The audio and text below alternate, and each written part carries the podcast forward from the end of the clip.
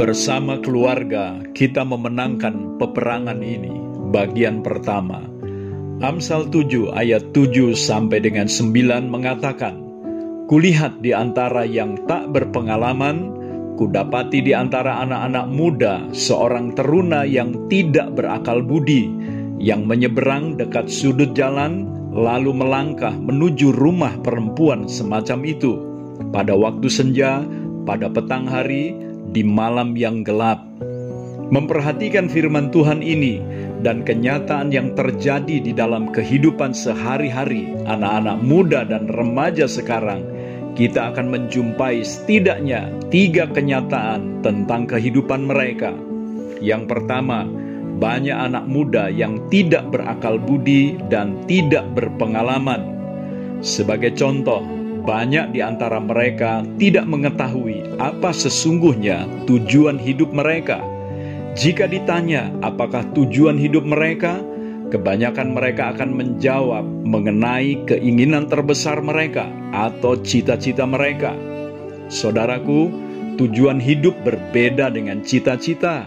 Cita-cita lebih berorientasi kepada keinginan dari manusia, mau menjadi seperti apa mereka itu tetapi jika berbicara tentang tujuan hidup manusia, maka seseorang harus bertanya kepada yang menciptakan hidup ini, seperti sebuah laptop atau benda apa saja yang untuk pertama kali diciptakan. Untuk apa semua itu diciptakan? Harus ditanyakan kepada yang pertama kali menciptakannya. Begitulah juga dengan kita manusia. Untuk apa kita diciptakan? Jawabannya harus kita dapatkan dari Pencipta kita. Di sinilah banyak orang muda yang tidak memahaminya. Mereka juga tidak berpengalaman untuk membedakan antara cinta sejati dengan perasaan jatuh cinta. Banyak yang berpikir perasaan jatuh cinta adalah cinta sejati itu sendiri. Akibatnya, banyak anak muda remaja yang terjebak dalam asmara yang memabukkan dan menenggelamkan mereka dalam dosa percabulan. Ini baru dua hal mendasar yang orang muda remaja perlu memahaminya. Belum lagi berbicara tentang bagaimana menghadapi pergaulan buruk yang ada di sekeliling hidup mereka.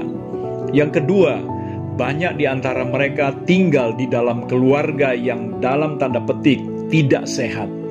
Saudaraku, tidak ada keluarga yang sempurna memang, namun setidaknya ada keluarga yang sehat di mana praktek saling mengasihi di antara suami istri, di antara orang tua dengan anak serta sebaliknya dapat dirasakan oleh setiap anggota keluarga. Di dalam keluarga yang tidak sehat, anak-anak sering tidak yakin bahwa papanya sungguh-sungguh mencintai mama mereka dan begitu juga sebaliknya.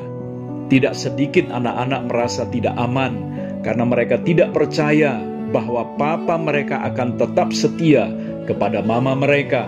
Begitu pula sebaliknya. Keluarga seperti ini sesungguhnya sedang menanam benih ketidaksetiaan atau ketidakpercayaan dalam kehidupan anak-anak mereka. Yang ketiga, banyak di antara mereka yang gugur imannya ditewaskan oleh wanita jalang dari keadaan yang tidak berakal budi dan keluarga yang tidak sehat, muncul anak-anak muda yang tidak siap menghadapi medan peperangan rohani yang dahsyat. Itu digambarkan melalui anak muda yang menyeberang menuju rumah perempuan jalang tanpa hikmat, tanpa pengalaman, dan tanpa takut akan Tuhan. Anak-anak muda kita akan menjadi mangsa yang empuk bagi perempuan jalang.